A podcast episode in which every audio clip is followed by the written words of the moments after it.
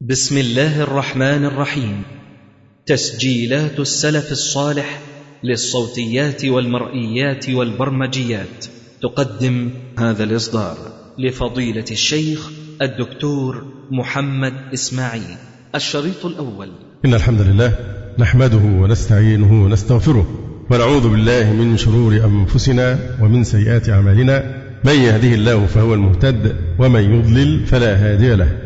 وأشهد أن لا إله إلا الله وحده لا شريك له وأشهد أن محمدا عبده ورسوله. اللهم صل على محمد وعلى آل محمد كما صليت على آل إبراهيم إنك حميد مجيد. اللهم بارك على محمد وعلى آل محمد كما باركت على آل إبراهيم إنك حميد مجيد. أما بعد فإن أصدق الحديث كتاب الله وأحسن الهدي هدي محمد صلى الله عليه وسلم وشر الأمور محدثاتها وكل محدثة بدعة وكل بدعة ضلالة وكل ضلالة في النار. ثم أما بعد نستكمل تفسير الجللين وقد انتهينا إلى تفسير سورة الصف. يقول الجلال المحلي رحمه الله تعالى سورة الصف مكية أو مدنية أربع عشرة آية. هذه السورة تسمى أيضا سورة الحواريين. سورة الحواريين لأنه ذكر فيها الحواريون حينما ذكر عيسى عليه السلام. والسورة على التحقيق مدنية ولا عبرة بقول من قال إنها مكية لأن آياتها المحرضة على القتال ترد هذا القول لأنه لم يشرع الجهاد إلا في المدينة. وآيها أربع عشرة آية كما ذكرنا. وقد بين الله تبارك وتعالى في عدة مواضع أن موضوع الآيتين يا أيها الذين آمنوا لما تقولون ما لا تفعلون؟ كبر مقتا عند الله أن تقولوا ما لا تفعلون. موضوع هاتين الآيتين يتعلق بالجهاد وتمنيهم إياه كما سيأتي. يقول الله عز وجل بسم الله الرحمن الرحيم سبح لله ما في السماوات وما في الأرض أي نزهه. فاللام في لله مزيدة يعني سبح لله معناها سبح الله. أي نزهه ما في السماوات وما في الأرض وجيء بما دون من. سبح لله ما في السماوات وما في الأرض وذلك تغليبا لغير العاقل وهو الأكثر على العاقل الذي كان يستوجب أن يقال فيه من.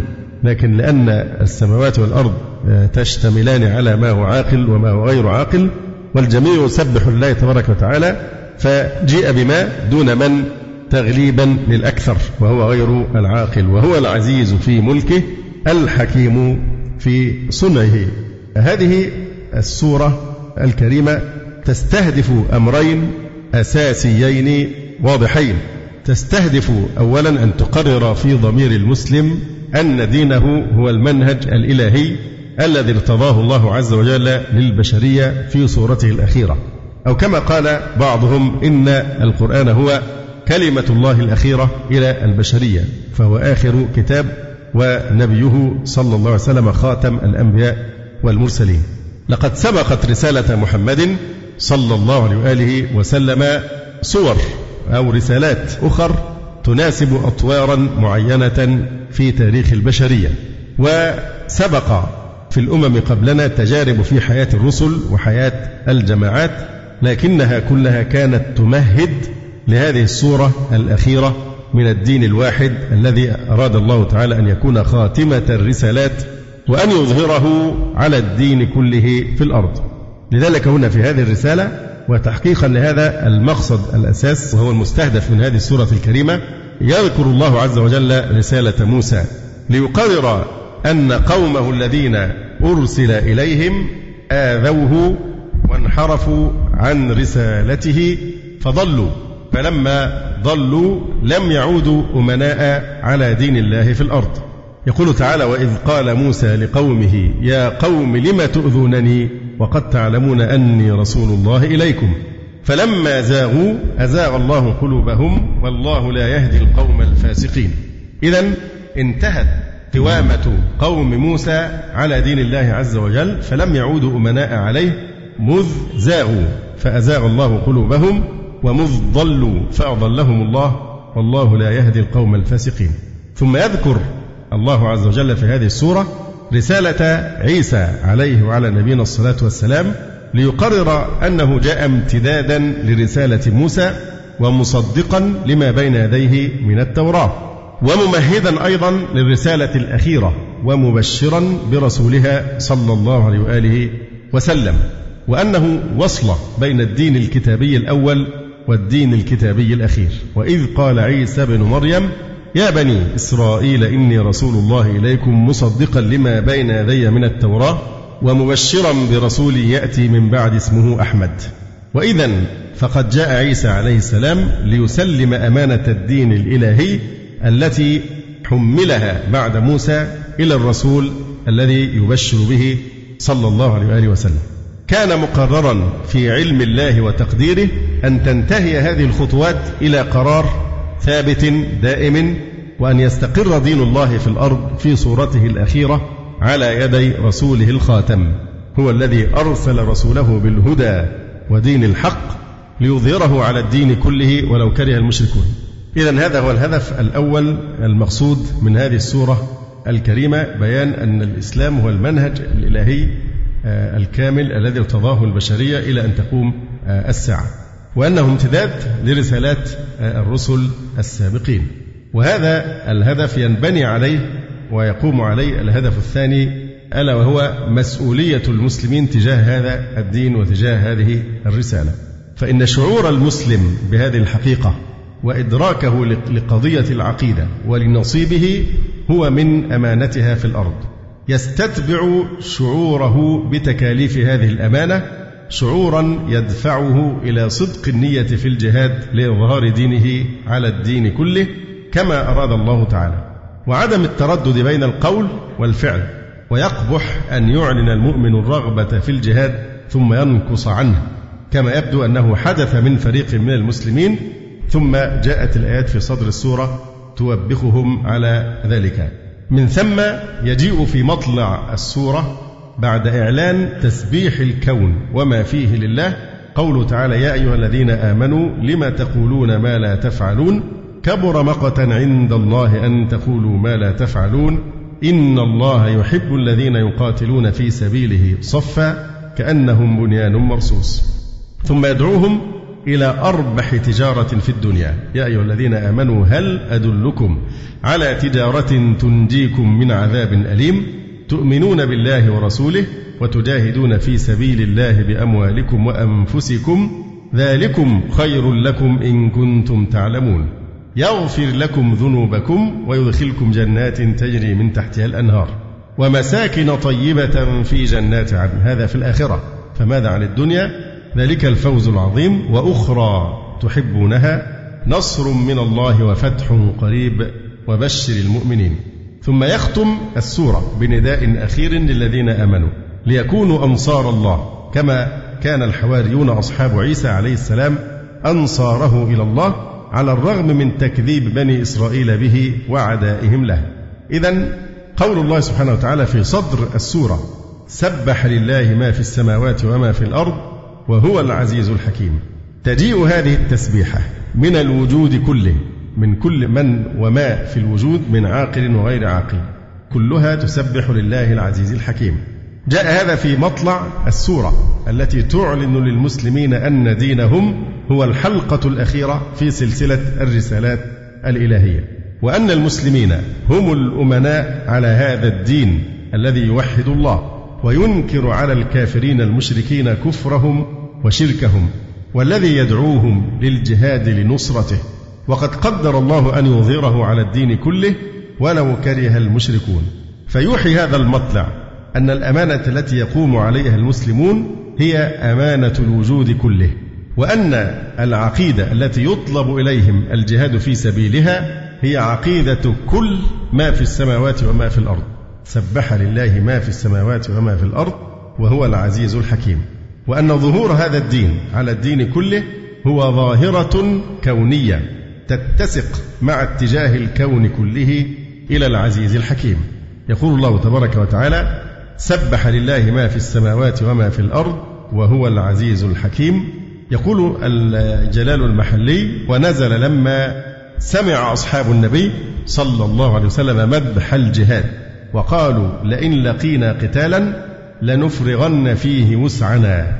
لئن قاتلنا الأعداء لنبذلن غاية الجهل.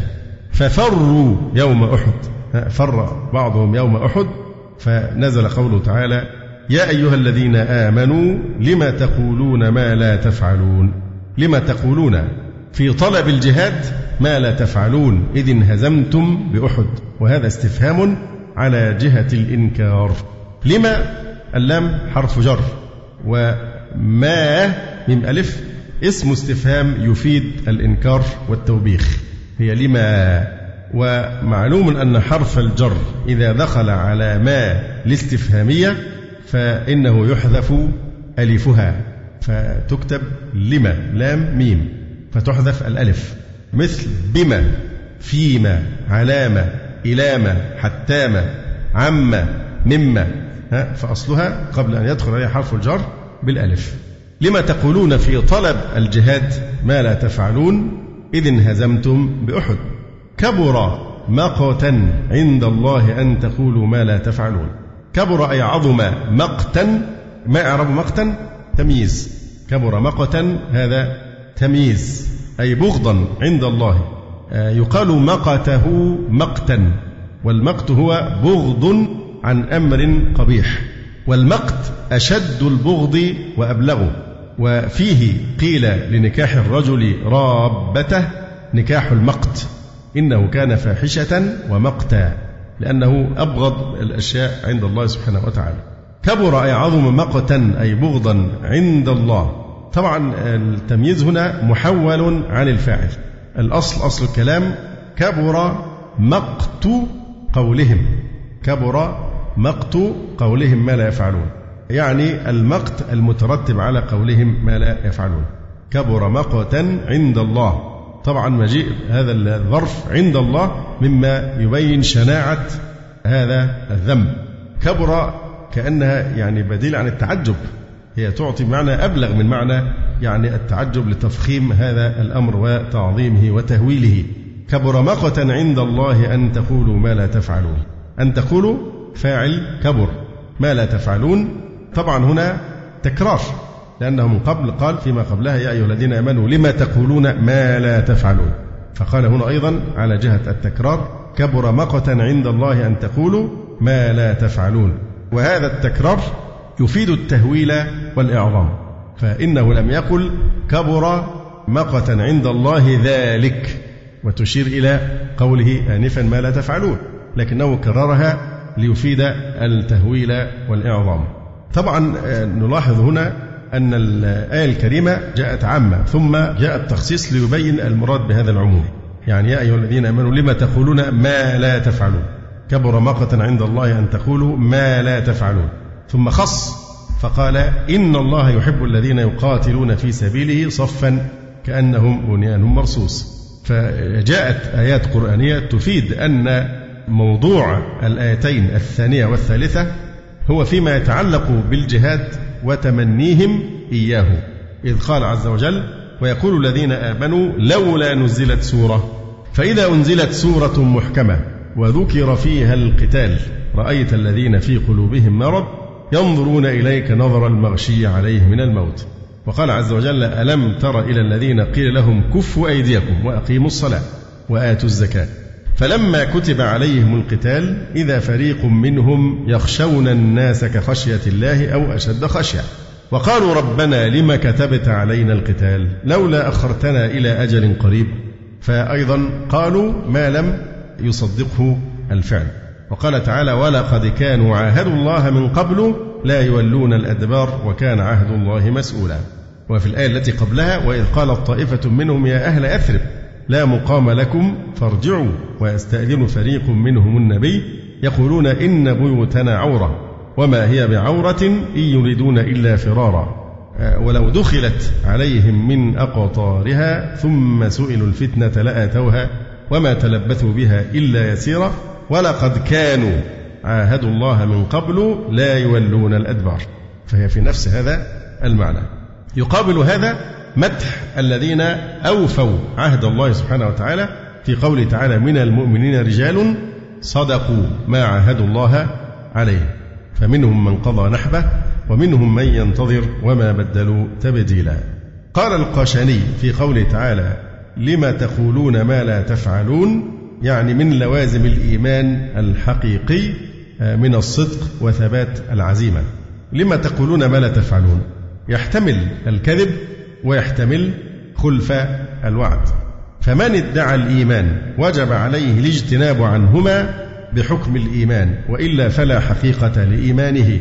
ولهذا قال كبر مقتا عند الله أن تقولوا ما لا تفعلون لأن الكذب ينافي المروءة التي هي من مبادئ الإيمان فضلا عن كماله. إذ الإيمان الأصلي هو الرجوع إلى الفطرة الأولى والدين القيم.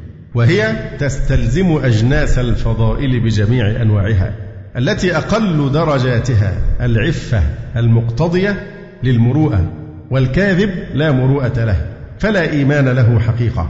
وإنما قلنا لا مروءة له لأن النطق هو الإخبار المفيد للغير معنى المدلول عليه باللفظ. والإنسان خاصته التي تميزه عن غيره هي النطق. فإذا لم يطابق الإخبار لم تحصل فائدة النطق. فخرج صاحبه عن الإنسانية وقد أفاد ما لم يطابق من اعتقاد وقوع غير الواقع. فدخل في حد الشيطنة فاستحق المقت الكبير عند الله بإضاعة استعداده واكتساب ما ينافيه من أضداده. وكذا الخلف لأن الخلف قريب من الكذب. ولأن صدق العزم وثباته من لوازم الشجاعة التي هي إحدى الفضائل اللازمة لسلامة الفطرة وأول درجاتها. فإذا انتفت انتفى الإيمان الأصلي بانتفاء ملزومه فثبت المقت من الله. وهذه الآية الكريمة من أفصح كلام وأبلغه في معناه كبر مقتا عند الله أن تقولوا ما لا تفعلون. قصد في كبر التعجب من غير لفظه. يعني لم يتعجب فيقول أي عبارة تفيد التعجب من هذا الفعل وإنما استعمل كبر على أنها فعل ماض لكن معناها معنى أبلغ أيضا من التعجب. ومعنى التعجب تعظيم الأمر في قلوب السامعين. وأسند إلى أن تقولوا يعني الفاعل هو إيه؟ كبر مقتا أن تقولوا ونصب مقتا على تفسيره. دلالة على أن قولهم ما لا يفعلون مقت خالص لا شوب فيه لفرط تمكن المقت منه. واختير آه، لفظ المقت لأنه أشد البغض وأبلغه. ولم يقتصر على أن جعل البغض كبيرا حتى جعل أشده وأفحشه. كبر مقتا لم يقل بغضا لأن أشد البغض هو الإيه؟ المقت. عند الله أيضا أبلغ مما مضى. لأن هذا يفيد أنه بلغ الغاية في المقت. فقوله عند الله أبلغ من ذلك لأنه إذا ثبت كبر مقته عند الله فقد تم كبره وشدته. أيضا التكرار في قوله ما لا تفعلون لفظ واحد في كلام واحد ومن فوائد التكرار التهويل والإعظام. ثم يقول الله تبارك وتعالى إن الله يحب الذين يقاتلون في سبيله صفا كأنهم بنيان مرصوص. إن الله يحب الذين هو هنا قال ينصر ويكرم وكأنه نوع من التأويل وإلا فإن الله يحب. حبا يليق بجلاله عز وجل. إن الله يحب الذين يقاتلون في سبيله صف. فإذا أحب الله هؤلاء فإنه ينصرهم ويكرمهم. إن الله يحب الذين يقاتلون في سبيله صفا. لابد أن يكون القتال في سبيل الله تبارك وتعالى وإلا فلا يحبه الله إذا كان لراية جاهلية أو لنصرة عصبية أو نحو ذلك من أمور الدنيا. صفا صفا طبعا حال حال من الواو في قوله تعالى يقاتلون أي يقاتلون صفا أي صافين كأنهم بنيان مرصوص. يعني ملزق بعضه إلى بعض.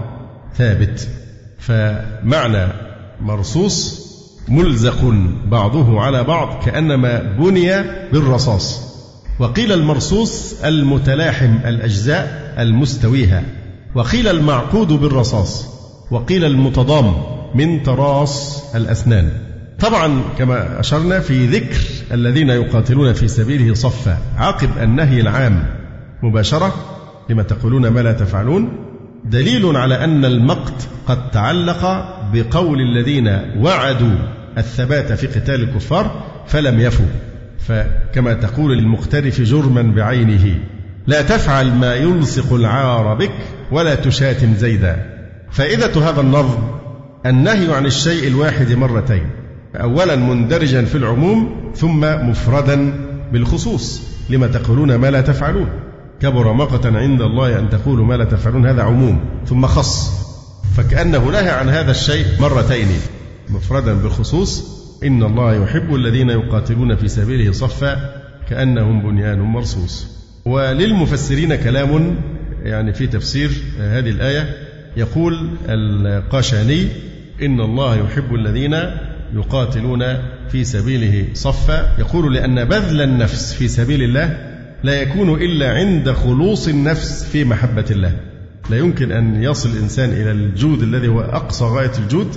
يعني الجود بالمال إيه؟ جود فيه مكرمة والجود بالنفس أقصى غاية الجود. هذا أعلى درجات الجود أن يجود بنفسه. فلا يمكن أن يصل الإنسان إلى مرحلة أن يجود بنفسه في سبيل الله إلا وهو قد بلغ الغاية غاية الإخلاص في حب الله تبارك وتعالى. إذ المرء إنما يحب كل ما يحب من دون الله لنفسه فأصل الشرك ومحبة الأنداد محبة النفس فإذا سمح بالنفس كان غير محب لنفسه وإذا لم يحب نفسه فبالضرورة لم يحب شيئا من الدنيا وإذا كان بذله للنفس في الله وفي سبيله لا للنفس. كما قال ترك الدنيا للدنيا كانت محبة الله في قلبه راجحة على محبة كل شيء. فكان من الذين قال الله فيهم والذين آمنوا أشد حبا لله. وإذا كانوا كذلك يلزم محبة الله إياهم. ما داموا يحبون الله فإنهم يكافئون بما هو أعلى وأهم وهو يحبهم ويحبونه. فاتبعوني يحببكم الله. فقوله تعالى كأنهم بنيان مرصوص أي بنيان لاصق بعضه ببعض فأعلم أنه يحب من يثبت في الجهاد ويلزم مكانه كثبوت البنيان المرصوص. ويجوز أن يكون عنا بذلك أن يستوي ثباتهم في حرب عدوهم حتى يكونوا في اجتماع الكلمة كالبنيان المرصوص. أما كلمة المرصوص فكما أشرنا إما أنه الملتصق بعضه ببعض المتراص المتساوي فلا يرى فيه خلل لإحكامه. هذا قاله الأكثرون. وقال بعضهم المرصوص المبني بالرصاص يعني المتلاحم بالرصاص لشدة قوته. قال عبد الله بن قيس كانوا يكرهون القتال على الخيل ويستحبون القتال على الأرض لهذه الآية لأن الفرسان لا يصطفون في الغالب وإنما يصطف الرجالة طبعا يعني هذا كلام اجتهاد. إن كانوا يكرهون على الخيل وينزلون على الأرض يعني طبيعة القتال في العصور الماضية كانت مختلفة. يعني صفوف تواجه صفوفا متواجهة. لكن طبعا الآن ربما يضر المجاهدين أن يكونوا صفا حسيا. لكن ينفعه جدا أن يطبقوا الآية على معنى التراص المعنوي وحدة الكلمة. ولذلك الأولى أن يقال في ضوء واقعنا المعاصر الآن إن الله يحب الذين يقاتلون في سبيله صفا واحدا متحدا. كأنهم بنيان مرصوص في تماسكه. والبنيان المرصوص له جدران وله سقف وفيه ما يواجه وفيه ما هو مستور. فيه أشياء تؤدي خدمات وهو مع هذا كله متماسك. في التشبيه بالبنيان إشارة إلى أن المراد بذلك التماسك والتعاون وتكامل المواقف وعدم التخاذل وعدم وجود الثغرات لا مجرد الاصطفاف يعني ليس مقصود الاصطفاف الحسي بذات خاصة في يعني الآن المجاهدون لو وقعوا في صفا واحدا متراصا ما أسهل من أن تأتي قذائف وصواريخ عليهم فتحصدهم حصدا. فهذه المسائل تختلف باختلاف ظروف الجهاد فلا ينبغي الوقوف عند كلام ذكره بعض السلف اجتهادا منه في واقع مغاير تماما للواقع يعني في آه، مثل عصرنا هذا. آه، بالعكس توضع الخطط على أساس أنه إذا نزل شيء ما يكثر عدد الإيه؟ الضحايا. ولا تكون هدية يعني تقدم للأعداء أن يقف صفا مرصوص يعني متماسكا ومتلاحما كصفوف الصلاة.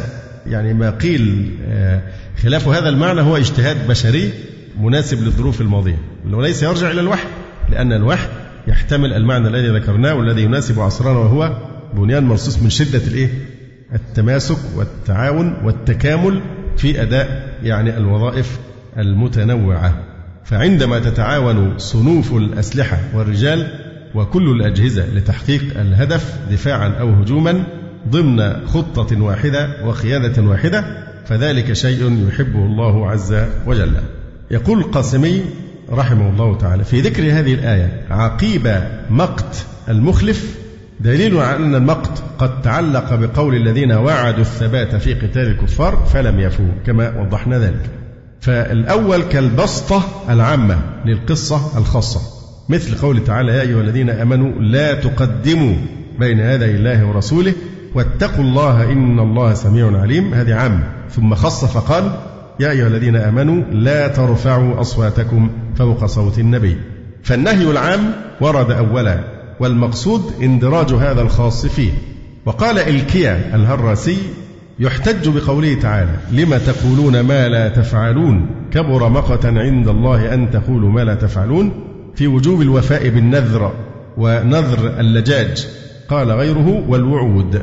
واستدل بعموم لفظ الآية على الإنكار على كل من خالف قوله فعله سواء في عهد حيث قال تعالى وأوفوا بالعهد أو أمر أو نهي. كما قال تعالى أتأمرون الناس بالبر وتنسون أنفسكم؟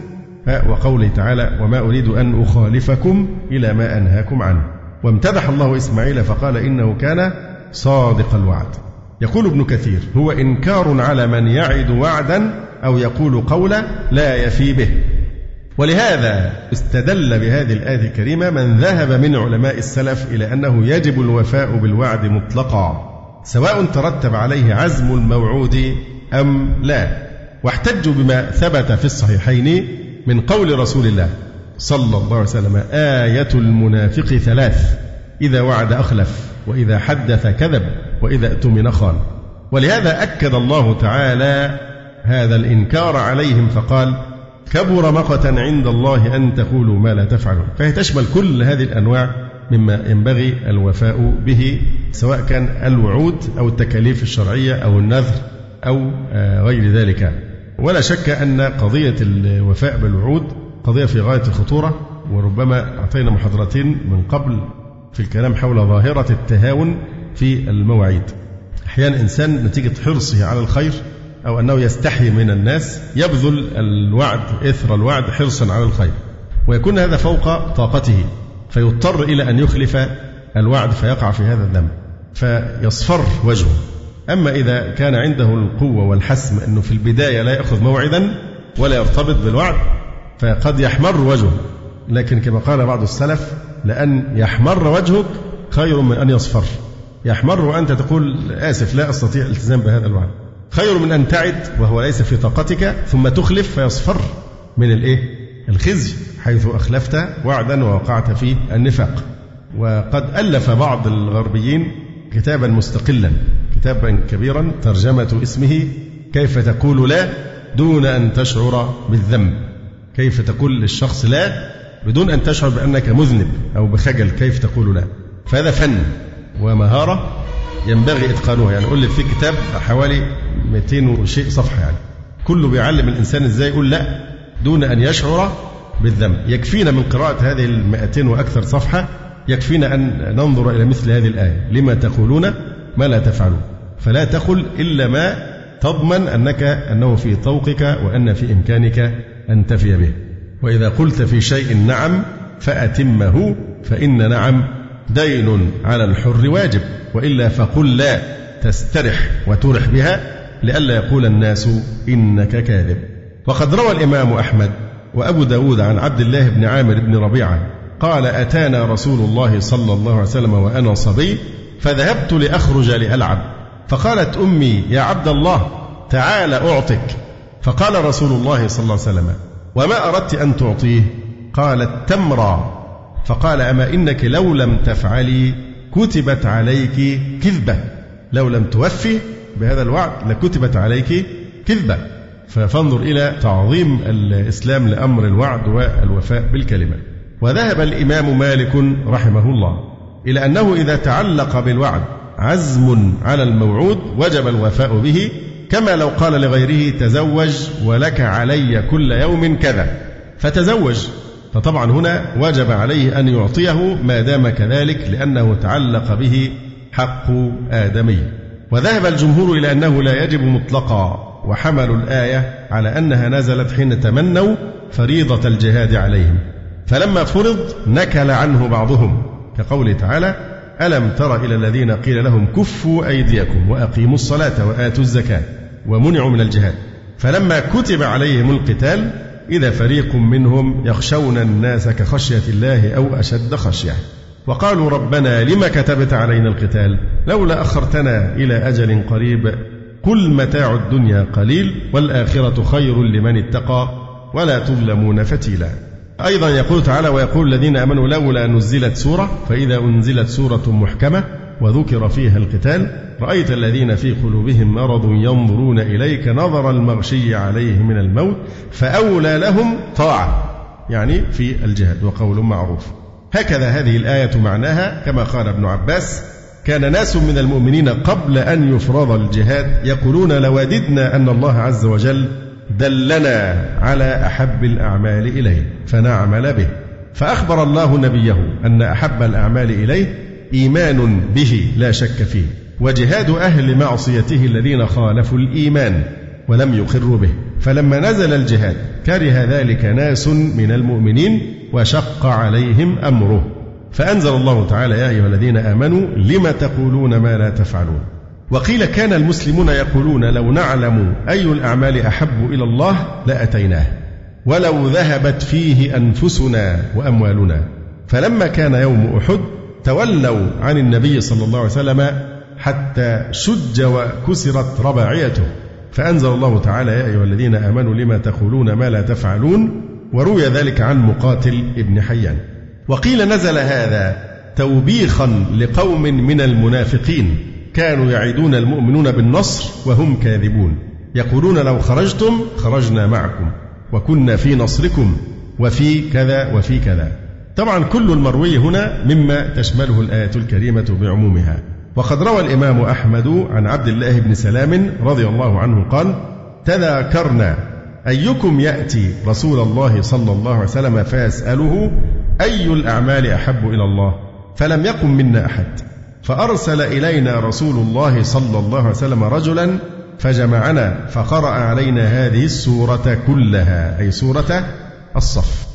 ولفظ ابن أبي حاتم عن عبد الله بن سلام رضي الله عنه أن ناسا من أصحاب رسول الله صلى الله عليه وسلم قالوا لو أرسلنا إلى رسول الله صلى الله عليه وسلم نسأله عن أحب الأعمال إلى الله عز وجل فلم يذهب إليه أحد منا وهبنا أن نسأله عن ذلك. قال فدعا رسول الله صلى الله عليه وسلم أولئك النفر رجلا رجلا حتى جمعهم ونزلت فيهم هذه السورة الصف قال عبد الله بن سلام فقرأها علينا رسول الله صلى الله عليه وسلم كلها. طبعا المقصود إن ليس هذا سبب النزول لكن معناه انها انها أن السورة قرأت في هذه الحادثه وهذا لا يستلزم أن يكون سبب النزول.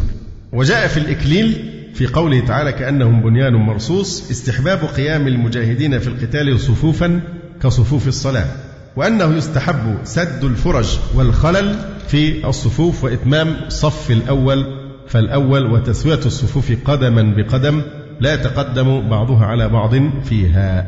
وفي التشبيه وجهان آخران أحدهما أن يكون المراد الثبات ورسوخ الأقدام في الموقف تنبيها على أن المتزلزل القدم والمضطرب في الموقف دع من يعزم على الفرار ممن يمقته الله تعالى ولا تناله محبته.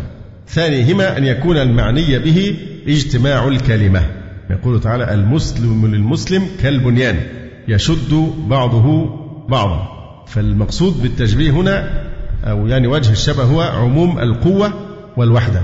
فوجه الشبه عموم القوة والوحدة كما أن الجدار المرصوص المصنوع من الرصاص متماسك وواحد كذلك المؤمنون ينبغي أن يكونوا مجتمعي الكلمة ولا يصح أن يكون المقصود به شكل البنيان. وإذ تبوئ المؤمنين مقاعد للقتال. مقاعد القتال. فهنا ممكن تختلف الظروف حسب حالة يعني إيه أو ظروف الموقعة وفي حديث الحباب بن المنذر في بدر أنه اقترح تغيير الإيه؟ الموقع للمصلحة. فهذا منزل أنزلكه الله أم هي الحرب والإيه؟ والرأي والمشورة. فغير الموقع نظرا للمصلحة. فلا يأتين أحد في مثل هذا الزمان ويقول نتشبث بالقول بأن المقصود التشبيه كصفوف الصلاة فيحصد المسلمون حصدا في القتال. فهذه من الأشياء التي ينبغي أن نلتفت إليها. فالمعني هو اجتماع الكلمة كقوله تعالى ولا تنازعوا فتفشلوا وتذهب ريحكم واصبروا. والاتفاق على تسوية الشأن مع العدو حتى يكونوا في الاتحاد وموالاة بعضهم بعضا كالبنيان المرصوص. فإن الله سبحانه وتعالى عاب اليهود حينما قال تحسبهم جميعا وقلوبهم شتى. لأن ممكن جميعا حسيا. كالبنيان المرصوص واقفين كصفوف الصلاة لكن لو قلوب متنافرة هذا مما يذم العبرة باجتماع القلوب. ثم يقول تبارك وتعالى وإذ قال موسى لقومه يا قوم لم تؤذونني؟ وقد تعلمون أني رسول الله إليكم. فلما زاغوا أزاغ الله قلوبهم والله لا يهدي القوم الفاسقين. وإذ قال موسى لقومه هذا كلام مستأنف. مسوق لتسلية نبيه محمد صلى الله عليه وسلم وتوطينه على الصبر.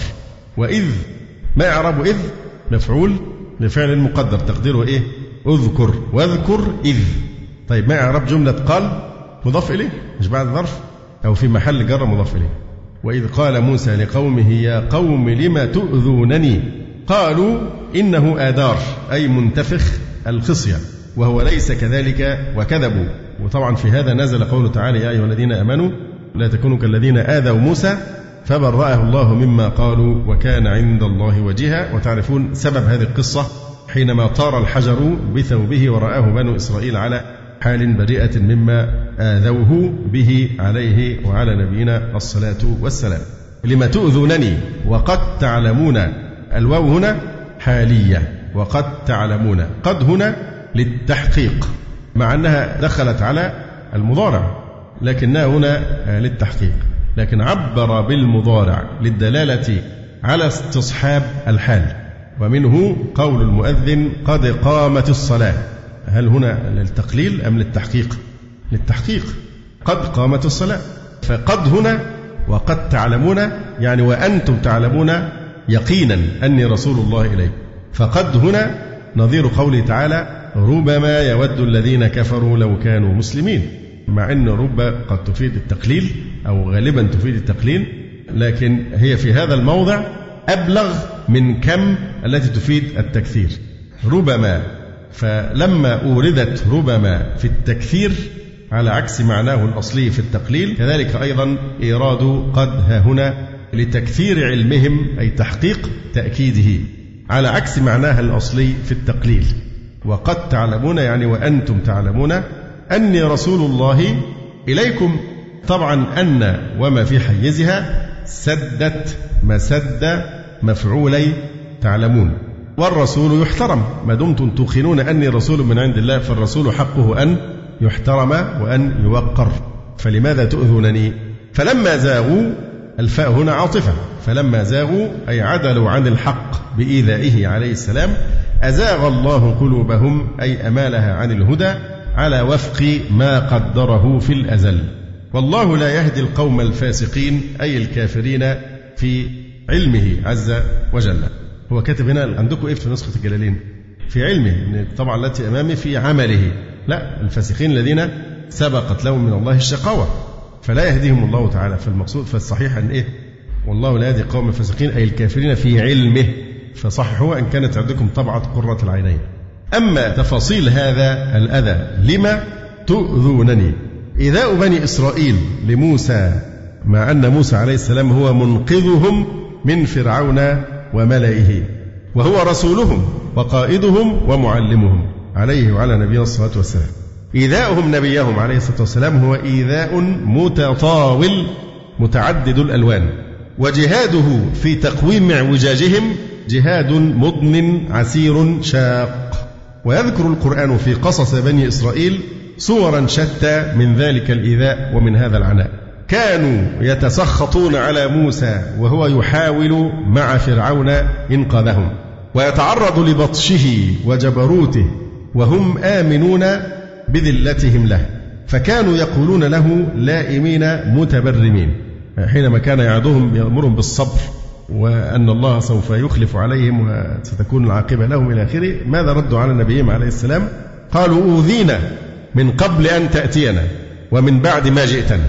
أوذينا من قبل أن تأتينا ومن بعد ما جئتنا. كأنهم لا يرون في رسالته خيرا. أو كأنما يحملونه تبعة هذا الأذى الأخير. كان هو الذي يؤذيهم وليس فرعون. وكان هو المسؤول عن إيذائهم مع أنه كان يتعرض لبطش فرعون وهو يطالبه بإيه؟ أن أخرج معي بني إسرائيل. وما كاد ينقذهم موسى عليه السلام من ذل فرعون بسم الله الواحد الأحد الذي أنقذهم من فرعون وأغرقه وهم ينظرون حتى مالوا إلى عبادة فرعون وقومه. فأتوا على قوم يعكفون على أصنام لهم قالوا يا موسى اجعل لنا إلها كما لهم آلهة. فهذا أيضا من الأذى يعني بعد كل هذا الجهاد في سبيل التوحيد والإسلام والعقيدة.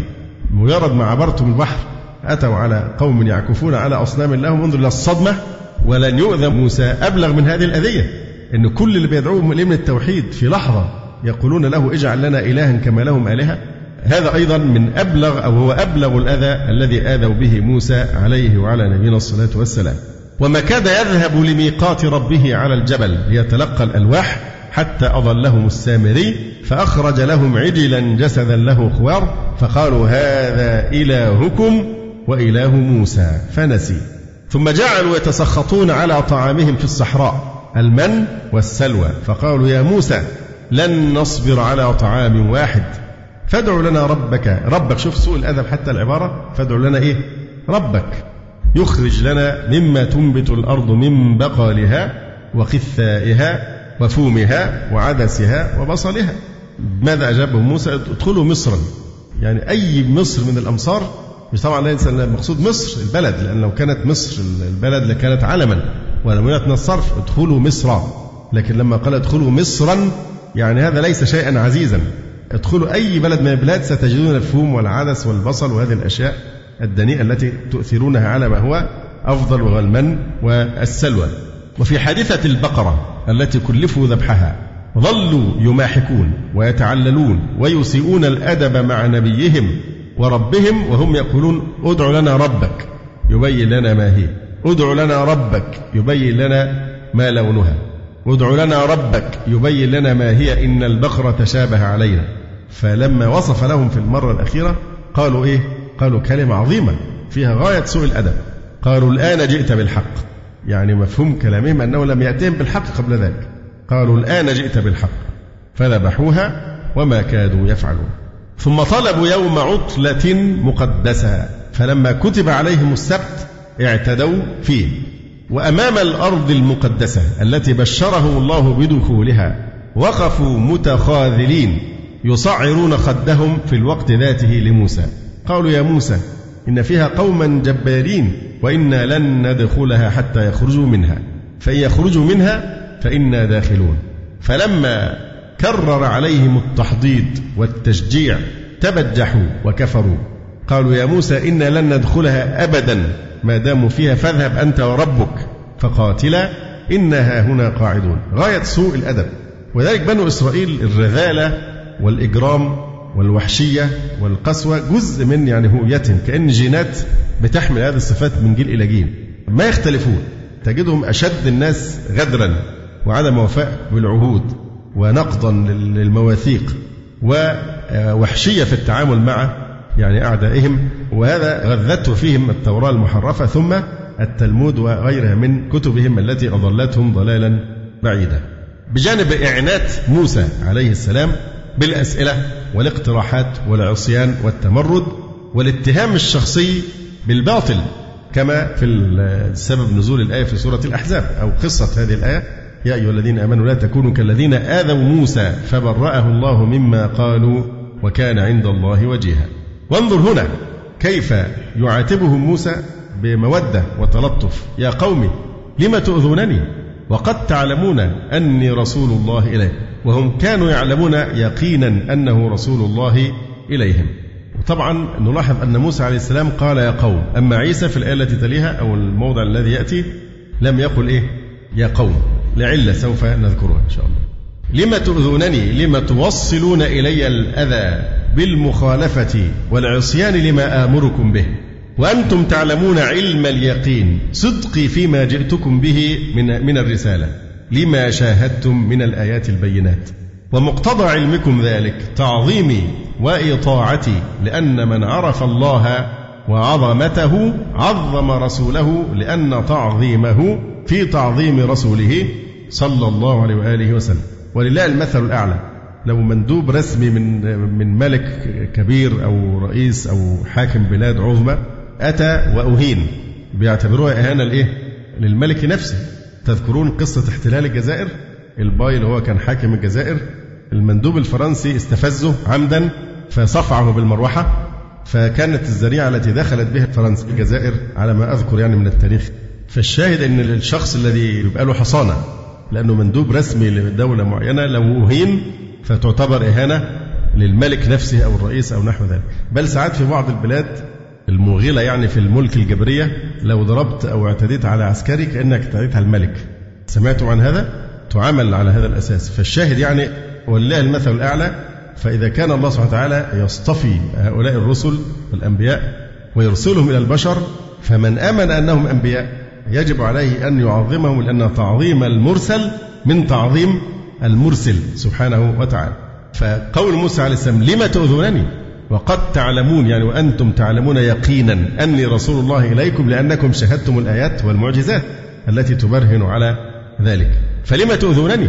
مع أن حقي هو التعظيم والتعزير والتوقير. يقول ابن كثير وفي هذا تسلية لرسول الله صلى الله عليه وسلم فيما أصابه من الكفار من قومه وغيرهم وأمر له بالصبر. ولهذا قال صلوات الله وسلامه عليه رحمة الله على موسى لقد أوذي بأكثر من هذا فصبر. وفيه نهي للمؤمنين أن يوصلوا له صلى الله عليه وآله وسلم أذى.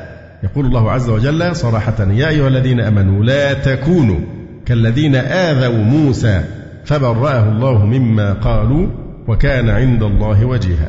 طبعا التحذير من الأذى موجه للمؤمنين لكن الأذى أي أمة أرسل إليها رسول مطالبون ألا يؤذوا رسولهم. فما يحصل من بعض الكفار خاصة في بلاد الغرب أو غيرها من التطاول على مقام رسول الله صلى الله عليه وسلم هؤلاء يؤذون رسولهم. هذا هو رسولهم لأن محمدا صلى الله عليه وسلم هو رسول الله إلى كل البشر إلى أن تقوم الساعة. فهم قوم محمد عليه الصلاة والسلام وهم أمة محمد بمعنى أمة الدعوة لأنهم مسؤولون عن هذه الرسالة وهو أرسل إليهم. فهكذا يقابلون هذه النعمة بالتطاول وبالأذى وبالسباب ونحو ذلك مما يليق بهؤلاء يعني الجاحدين الكافرين. لا تكونوا كالذين آذوا موسى فبرأه الله مما قالوا. قال أبو السعود هذا كلام مستأنف. يعني قوله تعالى وإذ قال موسى لقومه يا قوم لما تؤذونني؟ مقرر لما قبله من شناعة ترك القتال. وإذ منصوب على المفعولية بمضمر خوطب به النبي صلى الله عليه وسلم بطريق التلوين.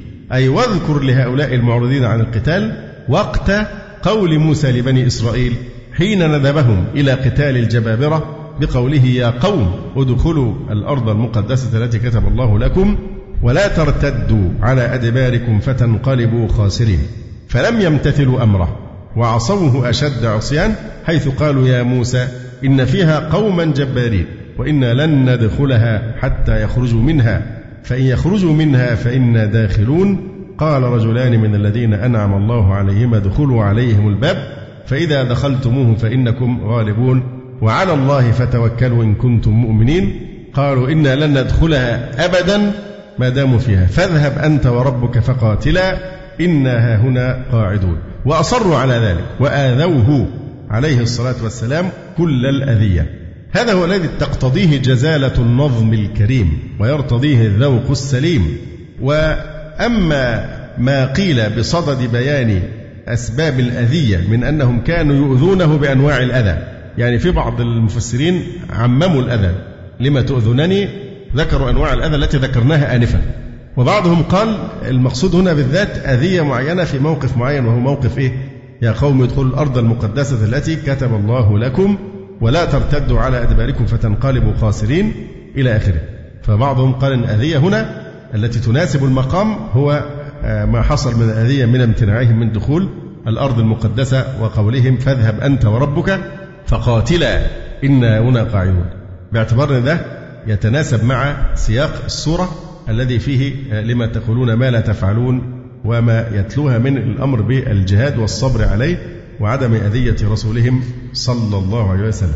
يقول وأما ما قيل بصدد بيان أسباب الأذية من أنهم كانوا يؤذونه بأنواع الأذى من انتقاصه وعيبه في نفسه وعصيانه فيما تعود إليهم منافعه وعبادتهم البقر وطلبهم رؤية الله جهرا فمما لا تعلق له بالمقام فخلاصة الكلام أن المقام هنا يعين نوع الأذية ويخصصها والقرينة إحدى مخصصات العام إلا أن أخذها عامة أعظم في التسلية وأولى وقوفا مع عموم اللفظ الكريم. فلما زاغوا مالوا عن الحق أي عن مقتضى علمهم لفرط الهوى وحب الدنيا. أزاغ الله قلوبهم عن طريق الهدى وحجبهم عن نور الكمال. لصرف اختيارهم نحو الغي والضلال. فالزيغ هنا للقلوب كما أن الهداية أيضا للقلب. أزاغ الله قلوبهم أيضا الهداية تكون للقلب. كما قال تعالى ومن يؤمن بالله يهدي قلبه. ولذلك قال المؤمنون ربنا لا تزغ قلوبنا بعد إذ هديتنا. فجمعهما هنا في هذه الآية. أزاغ الله قلوبهم يعني أمالها عن الحق جزاء لما ارتكبوه. في قلوبهم مرض فزادهم الله مرضا وقال تعالى وجعلنا على قلوبهم أكنة أن يفقهوا وقال فما كانوا ليؤمنوا بما كذبوا من قبل. كذلك يطبع الله على قلوب الكافرين. ويشهد له قياس العكس. والذين اهتدوا زادهم هدى وأتاهم تقواهم. يقول الشيخ عطية سالم تلميذ العلامة الشنقيطي رحمه الله تعالى وإذ قال موسى لقومه يا قوم لم تؤذونني وقد تعلمون أني رسول الله إليكم. قول موسى عليه السلام لم تؤذونني؟ لم يبين نوع هذا الإيذاء وقد جاء مثل هذا الإجمال في قوله تعالى يا أيها الذين آمنوا لا تكونوا كالذين آذوا موسى فبرأه الله مما قالوا. وأحال عليه ابن كثير في تفسيره وساق حديث البخاري أنه صلى الله عليه وسلم قال إن موسى عليه السلام كان حييا ستيرا لا يرى من جلده شيء استحياء منه فآذاه من آذاه من بني إسرائيل لأنهم كانوا يغتسلون عراة وكأن هذا كان جائزا في شريعته لكن موسى كان يستحيي من ذلك. فقالوا ما يتستر هذا التستر إلا من عيب في جلده إما برص وإما أدرة وإما آفة وأن الله عز وجل أراد أن يبرئه مما قالوا. فخلع يوما وحده فخلع ثيابه على حجر ثم اغتسل فلما فرغ أقبل على ثيابه ليأخذها وأن الحجر عدا بثوبه الحجر نفسه جرى أخذ يجري بالثوب فأخذ موسى عصاه وطلب الحجر فجعل يقول ثوبي حجر حذف حرف النداء حتى يختصر الكلام لأنه متعجل ثوبي حجر وخاطبه مخاطبة من يعقل لأن الحجر فعل فعل من يعقل. ثوبي حجر حتى انتهى وهو يجري إلى ملأ من بني إسرائيل. فرأوه عريانا أحسن ما خلق الله عز وجل وبرأه مما يقولون. ونقله غيره من المفسرين عندها. وعلى هذا يكون إيذاؤهم إياه إيذاء شخصيا بادعاء العيب فيه خلقة. وهذا وإن صح في آيات الأحزاب لقوله تعالى فبرأه الله مما قالوا. فإنه لا يصح في آية الصف هذه لأن قوله لهم وقد تعلمون أني رسول الله إليكم مما يشير إلى أن الإيذاء في جانب الرسالة لا في جانبه الشخصي. ويرشح له قوله تعالى بعدها مباشرة فلما زاغوا أزاغ الله قلوبهم. يعني فلما زاغوا بما آذوا به موسى فيكون إيذاء قومه له هنا في سورة الصف إيذاء زيغ وضلال. ليس إيذاء شخصيا لكن إيذاء زيغ وضلال. وقد آذوه كثيرا في ذلك كما بينه تعالى في قوله عنهم وإذ قلتم يا موسى لن نؤمن لك حتى نرى الله جهرا. وكذلك قوله تعالى وإذ أخذنا ميثاقكم ورفعنا فوقكم الطور خذوا ما آتيناكم بقوة واسمعوا. قالوا سمعنا وعصينا وأشربوا في قلوبهم العجل بكفرهم. قل بئس ما يأمركم به إيمانكم إن كنتم مؤمنين. فها هم يؤخذ الميثاق عليهم ويرفع فوقهم الطور ويقال لهم خذوا ما أتيناكم بقوة واسمعوا فكله يساوي قوله وقد تعلمون أني رسول الله إليكم لأن قد هنا للتحقيق ومع ذلك يؤذونهم بقولهم سمعنا وعصينا ويؤذونه بأن أشربوا في قلوبهم حب العجل وعبادته بكفرهم. ولهذا قال بئس ما يأمركم به إيمانكم إن كنتم مؤمنين. وقد جمع إيذاء الكفار لرسول الله صلى الله عليه وسلم مع إيذاء قوم موسى لموسى في قوله تعالى يسألك أهل الكتاب أن تنزل عليهم كتابا من السماء. فقد سألوا موسى أكبر من ذلك فقالوا أرنا الله جهرا. فأخذتهم الصاعقة بظلمهم. ومن مجموع هذا يتبين أن الإيذاء المنصوص عليه هنا هو إيذاء في خصوص الرسالة ولا مانع من أنهم آذوه بأنواع من الإيذاء في شخصه. وفيما جاء به فبرأه الله مما قالوا في آية الأحزاب وعاقبهم على إيذائه فيما أرسل به إليهم بزيغ قلوبهم والعلم عند الله تعالى. فلما زاغوا أزاغ الله قلوبهم وهذا مثل قوله تعالى ثم كان عاقبة الذين أساءوا السوء أن كذبوا بآيات الله. فالكفر والتكذيب قد يؤدي شؤمه إلى شقاء صاحبه. فلما زاغوا أزاغ الله قلوبهم. وقال تعالى في قلوبهم مرض فزادهم الله مرضا. وقال تعالى وجعلنا على قلوبهم أكنة أن يفقهوه وفي آذانهم وقرا. وقال تعالى فما كانوا ليؤمنوا بما كذبوا من قبل كذلك يطبع الله على قلوب الكافرين. ثم يقول الله تبارك وتعالى وإذ قال عيسى ابن مريم يا بني إسرائيل إني رسول الله إليكم مصدقا لما بين يدي من التوراة ومبشرا برسول يأتي من بعد اسمه أحمد. فلما جاءهم بالبينات قالوا هذا سحر مبين. وإذ قال عيسى يعني واذكر إذ قال عيسى ابن مريم ما إعراب ابن مريم؟ بدل من عيسى عليه السلام. بدل. ما ينفعش صفة؟ كيف تكتب في المصحف الشريف؟ بالألف. فهي بدل. لأن الموصوف بابن بتحذف الإيه؟ الألف. فعيسى ابن مريم بدل آه، من عيسى. يا بني إسرائيل لم يقل إيه؟ يا قومي كما قال موسى عليه السلام. لأن أبا موسى كان من بني إسرائيل. لكن عيسى هل له أب؟ ليس لعيسى أب. فمن ثم لم يكن له فيهم قرابة. لأنه عليه السلام خلق من غير أب فهو لا يمت إليهم بنسبة ما دام ليس له أب لأن النسب لا يكون إلا من جهة الأب وإن كانت أمه مريم من أشرفهم نسبا عليها السلام. يا بني إسرائيل إني رسول الله إليكم مصدقا لما بين يدي من التوراة ومبشرا برسول يأتي من بعد اسمه أحمد. سنقف هنا وقفة مع قوله عليه آه، وعلى نبينا الصلاة والسلام إني رسول الله إليكم.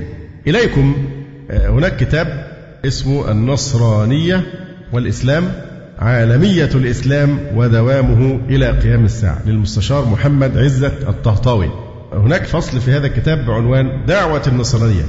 هل هي دعوة إلى شعب اليهودية أم دعوة عالمية؟ ويثبت هنا في هذا الفصل أن القول بعالمية النصرانية هو قول يجافي الحقيقة المجردة. وأن هذه بدعة في الديانة النصرانية وأن الديانة النصرانية شأنها شأن جميع الرسالات السماوية قبل بعثة نبينا محمد صلى الله عليه وسلم. حيث قال وكان الرسول يبعث إلى قومه خاصة وبعثت إلى الناس عامة. فالعالمية صفة العالمية هي حكر على الإسلام. لأن الأنبياء جميعا قبل محمد عليه الصلاة والسلام كانوا كان النبي يبعث إلى قومه خاصة ولم يكن مكلفا بأن يخاطب غير قومه. ولذلك كان يتعدد الأنبياء أحيانا في الوقت الواحد في أكثر من مكان كما في قصة الخضر. وأن موضوع عالمية النصرانية وما يسمى بالتبشير وإن كان التعبير غير صحيح التبشير بالإيه؟ بالنار. يبشرون بإيه؟ بالنار بدخول النار إنهم أطاعوه. أو نقول التنصير. يقول هل كانت دعوة المسيح إلى العالم أجمع كما تزعم النصرانية أم أنها كانت قاصرة على شعب اليهودية على بني إسرائيل فقط؟ طبعا هذه الآية إحدى الأدلة وإذ قال عيسى بن مريم يا بني إسرائيل إني رسول الله إليكم وليس إلى الناس كافة إليكم فقط إلى بني إسرائيل. فالذي ابتدع بدعة عالمية النصرانية هو إيه؟ شاول أو بولس الذي أفسد الديانة. يقول إن المتتبع للأناجيل يجد أن دعوة المسيح عليه السلام قاصرة على شعب اليهودية فقط بل إن البشارة بمجيئه قبل مولده تشير إلى أن رعايته ستكون لشعب اليهود فقط. والدليل على ذلك ما ورد بإنجيل متى ما يحكيه عن الله تبارك وتعالى. وأنت يا بيت لحم أرض يهوذا لست الصغرى بين رؤساء يهوذا لأن منك يخرج مدبر يرعى شعبي إسرائيل. مدبر اللي هو إيه؟ عيسى عليه السلام. يرعى شعبي إسرائيل يعني بني إسرائيل. ولما جاء الملاك إلى مريم عليه السلام وبشرها بولادة يسوع أخبرها بأنه يكون على بيت يعقوب يعني إسرائيل. جاء في الإنجيل لوقا فقال لها الملاك لا تخافي يا مريم لأنك قد وجدت نعمة عند الله. وها أنت ستحبلين وتلدين ابنا وتسمينه يسوع. هذا يكون عظيما وابن العلي يدعى ويعطيه الرب الإله كرسي داود أبيه ويملك على بيت يعقوب إلى الأبد. طبعا لأن المسيح هو خاتم أنبياء بني إسرائيل ويملك على بيت يعقوب هذا هو الشاهد. ولما بدأ يسوع في الدعوة إلى الإيمان برسالته أعلن أنها قاصرة على بني إسرائيل ولا تمتد إلى غيرهم.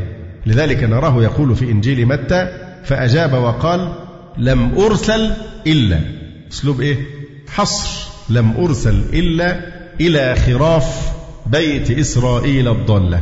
هي خراف بتستعمل بمعنى الرعية يعني كلكم راع. الرعية. نسمع حتى من بعض القساوسة آه، يصف الأتباع بالخراف فهو مأخوذ من هذا التعبير. أيضا جاء في إنجيل برنابا وقد أقامني الله نبيا على بيت إسرائيل لأجل صحة الضعفاء. نبه المسيح عليه السلام إلى مقدار احترامه لشريعة التوراة وأنه ما جاء إلا ليكملها لا لإزالتها. جاء في إنجيل لوقا يقول ولكن زوال السماء والأرض أيسر من أن تسقط نقطة واحدة من الناموس. وقد اختار المسيح اثني عشر تلميذا ليكونوا تلاميذه وأحباءه ومساعديه في نشر الدعوة. وكان اختياره لهم من بين اليهود أنفسهم وينقل ذلك إنجيل متى في محاورة بين المسيح عليه السلام وبين أحد تلاميذه وهو بطرس. جاء فيها فأجاب بطرس حينئذ وقال له ها نحن قد تركنا كل شيء وتبعناك فماذا يكون لنا؟ فقال لهم يسوع الحق أقول لكم أنكم أنتم الذين تبعتموني في التجديد متى جلس ابن الإنسان. ابن الإنسان يقصد بالمسيح نفسه على كرسي مجده. تجلسون أنتم أيضا على اثني عشر كرسيا تدينون أسباط إسرائيل لاثني عشر. يعني تحكمونهم. لم يقل إنكم تدينون أو تحكمون شعوب الدنيا وإنما حصرهم في إيه؟ في بني إسرائيل في أسباط بني إسرائيل. فإشارته هذه إشارة إلى أنه هو نفسه. وأيضا من يأتي بعده إنما تكون دعوتهم قاصرة على شعب اليهودية المتفرع من أسباط بني إسرائيل الاثنى عشر. أيضا المسيح عليه السلام عندما أرسل تلاميذه المذكورين لينشروا دعوته بين اليهود كرر لهم الوصية بأن يقصروا الدعوة على اليهود بل حذرهم من دخول مدن الأمم والشعوب الأخرى. ولو كانوا جيرانا لليهود جاء في إنجيل متى هؤلاء الاثنى عشر أرسلهم يسوع وأوصاهم قائلا إلى طريق أمم لا تمضوا إياكم أن تذهبوا إلى أي أمة أخرى غير اليهود لأنها محصورة في بني إسرائيل فقط. هؤلاء الاثنى عشر أرسلهم يسوع وأوصاهم قائلا إلى طريق أمم لا تمضوا إلى مدينة للسامريين لا تدخلوا بل اذهبوا بالحري إلى خراف بيت إسرائيل الضالة. أيضا جاء أيضا في إنجيل متى؟ في مناقشة بين امرأة كنعانية وبينه. ثم خرج يسوع من هناك وانصرف إلى نواحي صور وصيدا. وإذا امرأة كنعانية خارجة من تلك التخوم صرخت إليه قائلة ارحمني يا سيد يا ابن داود ابنتي مجنونة جدا. فلم يجبها بكلمة. فتقدم تلاميذه وطلبوا إليه قائلين اصرفها لأنها تصيح وراءنا. فأجاب وقال لم أرسل إلا إلى خراف بيت إسرائيل الضالة فأتت وسجدت له قائلة يا سيد أعني. فأجاب وقال ليس حسنا أن يؤخذ خبز البنين ويطرح للكلاب. فقالت نعم يا سيد والكلاب أيضا تأكل من الفتات الذي يسقط من مائدة أربابها. حينئذ أجاب يسوع وقال لها يا امرأة عظيم إيمانك. ليكن لك كما تريدين فشفيت ابنتها من تلك الساعة. الشاهد هنا أيضا الدلالة على تخصيص رسالة المسيح إلى بني إسرائيل. وقد ذكر إنجيل يوحنا أن المسيح عليه السلام ما جاء إلا إلى خاصته وما خصته إلا شعب اليهودين جاء في الإنجيل إلى خاصته جاء وخاصته لم تقبله. حتى عندما رفضت أورشليم رسالة المسيح ناجاها بحنو بكلام يستفاد منه أن رسالته هي لشعب اليهود الذي كان مستعمرا لمدينة القدس يومئذ. جاء في إنجيل يوحنا يا أورشليم يا أورشليم يا قاتلة الأنبياء. يقصد اليهود يعني يا أهل أورشليم اللي هم اليهود. يا أورشليم يا أورشليم يا قاتلة الأنبياء وراجمة المرسلين إليها. كم مرة أردت أن أجمع أولادك كما تجمع الدجاجة فراخها تحت جناحيها ولم تريدوا أيضا بعد ذهاب المسيح عليه السلام عن الأرض يؤكد خليفته بطرس أن المسيح ما جاء إلا لخلاص اليهود وغفران خطاياهم. ففي رسالة أعمال الرسل فقال لهم أنتم تعلمون كيف هو محرم على رجل يهودي أن يلتصق بأحد أجنبي إلى آخره. أيضا الكلمة التي أرسلها لبني إسرائيل يبشر بالسلام بيسوع المسيح. طبعا احتجاجنا بهذه الكتب لا يعني أننا نحتج بها مطلقا لكن نحتج بما يوافق ما عندنا. فهذه إسرائيليات توافق ما عندنا من أن المسيح عليه السلام أرسل إلى قومه خاصة. فموضوع التبشير هذه بدعة ابتدعت في الديانة النصرانية وإلا فهي لم يرسل المسيح إلى العالم. هذا كذب على المسيح نفسه عليه السلام.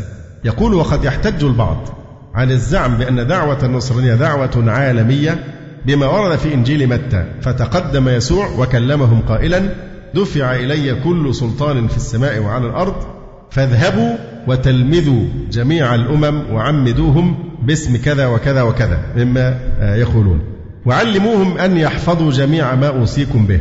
يقول إن الرد على هذا الكلام كلام يعني سهل جدا فيقول إن هذه الوصية وخصوصا عبارة تلمذوا جميع الأمم لم ترد عنه وقت حياته كلها التي عاشها على الأرض ولم يسمعها منه تلاميذه وحواريوه منه من وقت إذ.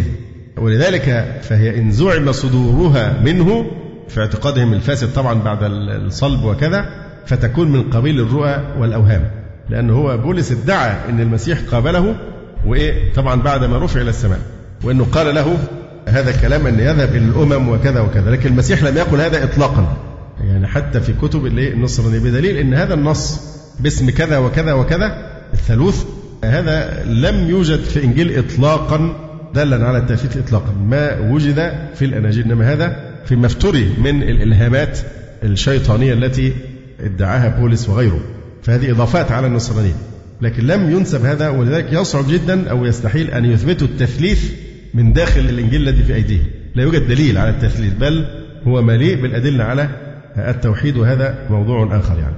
فإذا هذه العبارة تلمذ جميع الأمم تكون من قبيل الرؤى والأحلام أو الأوهام ولا يصح الصدور عن المسيح عليه السلام. أيضا تضمنت العبارة عبارة التثليث باسم كذا وكذا وكذا. فكيف يستقيم ذلك مع أن التثليث وألوهية المسيح لم تتقرر إلا في القرن الرابع الميلادي في مجمع نيقيا سنة 25 و300 أيضا موضوع فكرة ألوهية المسيح ما كان لها أي أصل إلى أن مضى ثلاثة قرون وربع قرن بعد رفع المسيح إلى السماء.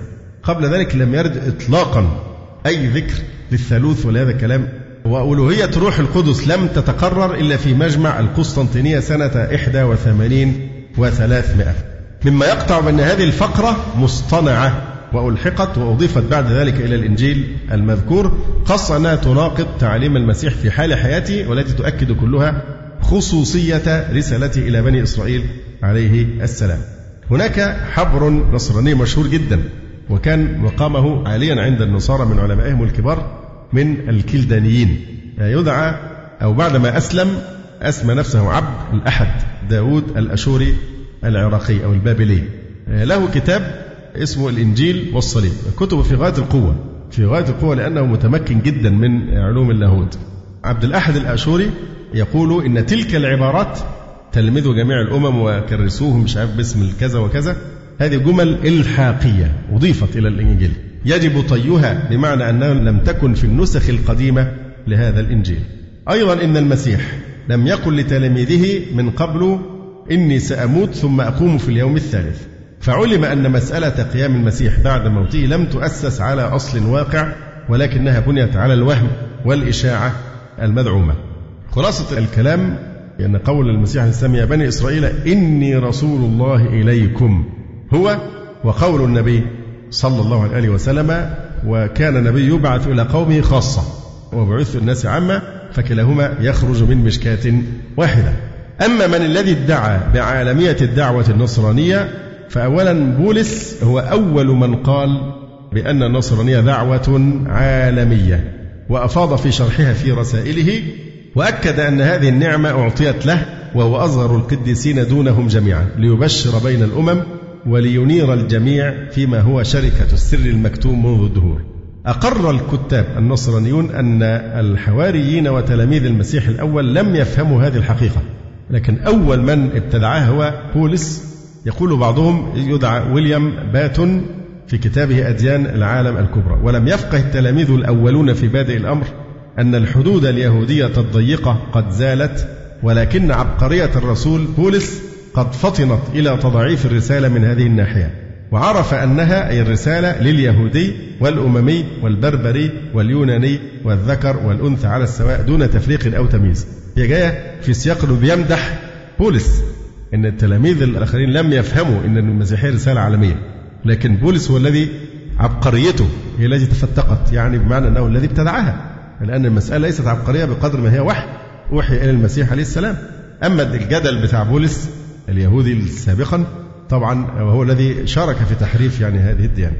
أيضا الذي يطلع على رسائل بولس يتضح له أنه لم يورد دليلا واحدا ولا كلمة واحدة تنسب إلى عيسى عن عالمية المسيحية. إنما كان التدليل على هذه العالمية من كلامه هو ومن بنات أفكاره إذ اضطر بولس أن يدخل على ديانته تعاليم أخرى تزيل الهوة بين ديانات بني إسرائيل وأفكار الأمم المختلفة الذين فتح لهم باب المسيحية وبخاصة الوثنيين والأوروبيين واليونانيين وأتباع ديانة متراس. ولهذا قال بولس بالتثليث عشان يروج البضاعة مع هؤلاء الناس الوثنيين. وادعى أيضا أن من نزول المسيح ليكفر عن خطيئة البشر إلى آخره وهو الذي قال أيضا بعدم ضرورة الختان مع أن الختان في شريعة الإيه؟ اليهود والمسيح ما جاء لينقض الناموس فهو الذي أيضا ألغى الختان وقال يعني إيه؟ اختنوا أرواحكم ونفوسكم وليس المهم الأبدان إلى آخر هذا الدجل. فهذا أيضا من ابتداعاته في النصرانية. فهذا النوع من الإضافات أدى إلى تدفق الغربيين الوثنيين وأصحاب الأديان الأخرى على ديانة بولس. وذلك الصح أن إحنا نقول عليهم بوليسيين وليسوا مسيحيين. فينسبون إلى بولس مش من البوليس لا بول بول أو بولس. فهم بوليسيون وليسوا مسيحيين لأن المسيح لم يدعو إلى هذا إنما هم على ما جاء به بولس. فهو نقل المسيحية من دين شرقي إلى دين غربي تقريبا. يقول الطهطاوي حفظه الله أو رحمه الله ما أدري هو عايش ولا لا. يقول ونخلص مما سبق إيراده بالنتيجة التالية. أولا أنه لا شأن لرسالة المسيح عيسى ابن العذراء البتول السيدة مريم عليه السلام بأي شعب من شعوب الأرض خلا اليهود. لا علاقة له بأي شعب آخر غير اليهود فلا علاقة بينه وبين الشعوب الأخرى لأن رسالته لم تأتي إلا إلى اليهود. ولم تخاطب أحدا سواهم. لهذا فليس من حق أحد غير اليهود اعتناق الرسالة العيسوية أو السير على نهج الشريعة اليسوعية. ومن يفعل ذلك غير اليهود إنما يخالف تعاليم المسيح نفسها بل ويخالف تعاليم الله الذي قصر الرسالة على اليهود وقتئذ ومن واجب الكافة الأجناس والشعوب غير اليهودية ألا يغتصبوا حقا ليس لهم وألا يتمسكوا برسالة أنزلت إلى غيرهم بل حرمت عليهم وحرمت مصاهرتهم أو حتى الاختلاط بهم طبقا لما ذكره إنجيل متى على لسان المسيح. على حد قولهم لا تعطوا القدس للكلاب ولا تطرحوا درركم قدام الخنازير. جاء في دائرة المعارف البريطانية أن أسبق حواري المسيح. ظلوا يوجهون اهتمامهم إلى جعل المسيحية دينا لليهود وجعل المسيح أحد أنبياء بني إسرائيل إلى بني إسرائيل. فده في دائرة المعرفة البريطانية إنها مقصورة على بني إسرائيل. يرى بيري أن اضطهاد الرومان لأتباع المسيح كان سببه أن أباطرة الرومان لم يعرفوا عن دعوة المسيح إلا أنها امتداد لليهودية التي كانت شديدة التعصب عميقة الحقد والحسد فأثارت غضب الرومان مع ما عرف عنهم من التسامح الديني لأتباعهم فالرومان تعاملوا مع رسالة المسيح أنها امتداد لإيه؟ لدعوة بني إسرائيل المعروفين بهذه الصفات ويقول دين إنك إن عيسى كان نبيا لمعاصريه من اليهود ولم يحاول قط أن ينشئ فرعا خاصا به من بين هؤلاء المعاصرين أو ينشأ له كنيسة خاصة مغايرة لكنائس اليهود أو تعاليمهم أيضا الكاتب النصراني ويليام باتون يقول إن الذي يقرأ رسائل بولس يرى أنه لم يورد دليلا واحدا ولا كلمة واحدة تنسب إلى عيسى عن عالمية المسيحية وإنما كان تدليله على هذه العالمية من كلامه هو. بولس بيقول له عبقريته تفتقر. أو ادعى أن في إلهام هو شيطان يأتي ليضل الناس به. ومن بنات أفكاره لأن بولس هذا هو أول من قال بعالمية المسيحية. ويقول الله تبارك وتعالى ورسولا إلى بني إسرائيل كما في آل عمران. وإذ قال عيسى ابن مريم يا بني إسرائيل إني رسول الله إليكم. هذا باختصار. طيب إحنا وقفنا عند عيسى عليه السلام وإذ قال عيسى ابن مريم يا بني إسرائيل إني رسول الله إليكم. طيب ما هو موسى قال يا قوم لم تؤذونني وقد تعلمون أني رسول الله إليكم؟ إيه الفرق؟ ليه ما وقفناش عند موسى؟ آه اليهود لأنها ديانة قائمة على العنصرية دعوة عنصرية بمعنى أنهم شعب الله المختار فهي ديانة لما يزعمون أنهم صفوة البشر أنهم أنقى وأطهر وأقدس البشر فهم فوق كل البشر. فحتى الجنة هتكون لهم بس لن يدخل الجنة إلا من كان يهوديا فقط. يعني اليهود يقولون لن يدخلها إلا اليهود. فمن ثم هم بيعتبروا إن دي شرف لا يستحقه الإيه؟ الأمم الأخرى. ولذلك ما عندهمش نشاط تبشيري. ما فيش نشاط تبشيري باليهودية لأن دعوة عنصرية لشعب معين. ولذلك الجنة يعتبرون أنها إيه؟ حكر عليهم لن يدخلها أحد غيرهم. أما الأمم الأخرى فهم حمير خلقوا ليركبها اليهود ويسخروا من أجل اليهود. كما فصل ذلك الإيه؟ التوراة. وقال ليس علينا في الأميين سبيل.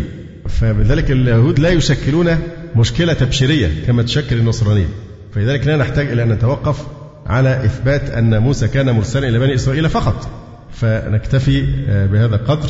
أقول قولي هذا وأستغفر الله لي ولكم. سبحانك اللهم ربنا وبحمدك أشهد أن لا إله إلا أنت أستغفرك وأتوب إليك. جزى الله فضيلة الشيخ خير الجزاء ونسأل الله جل وعلا أن يرفع مكانة الشيخ في المهديين وأن يجعله علما من أعلام الهدى والدين. ولا تنسونا وتنسوا الشيخ من دعوة صادقة بظهر الغيب.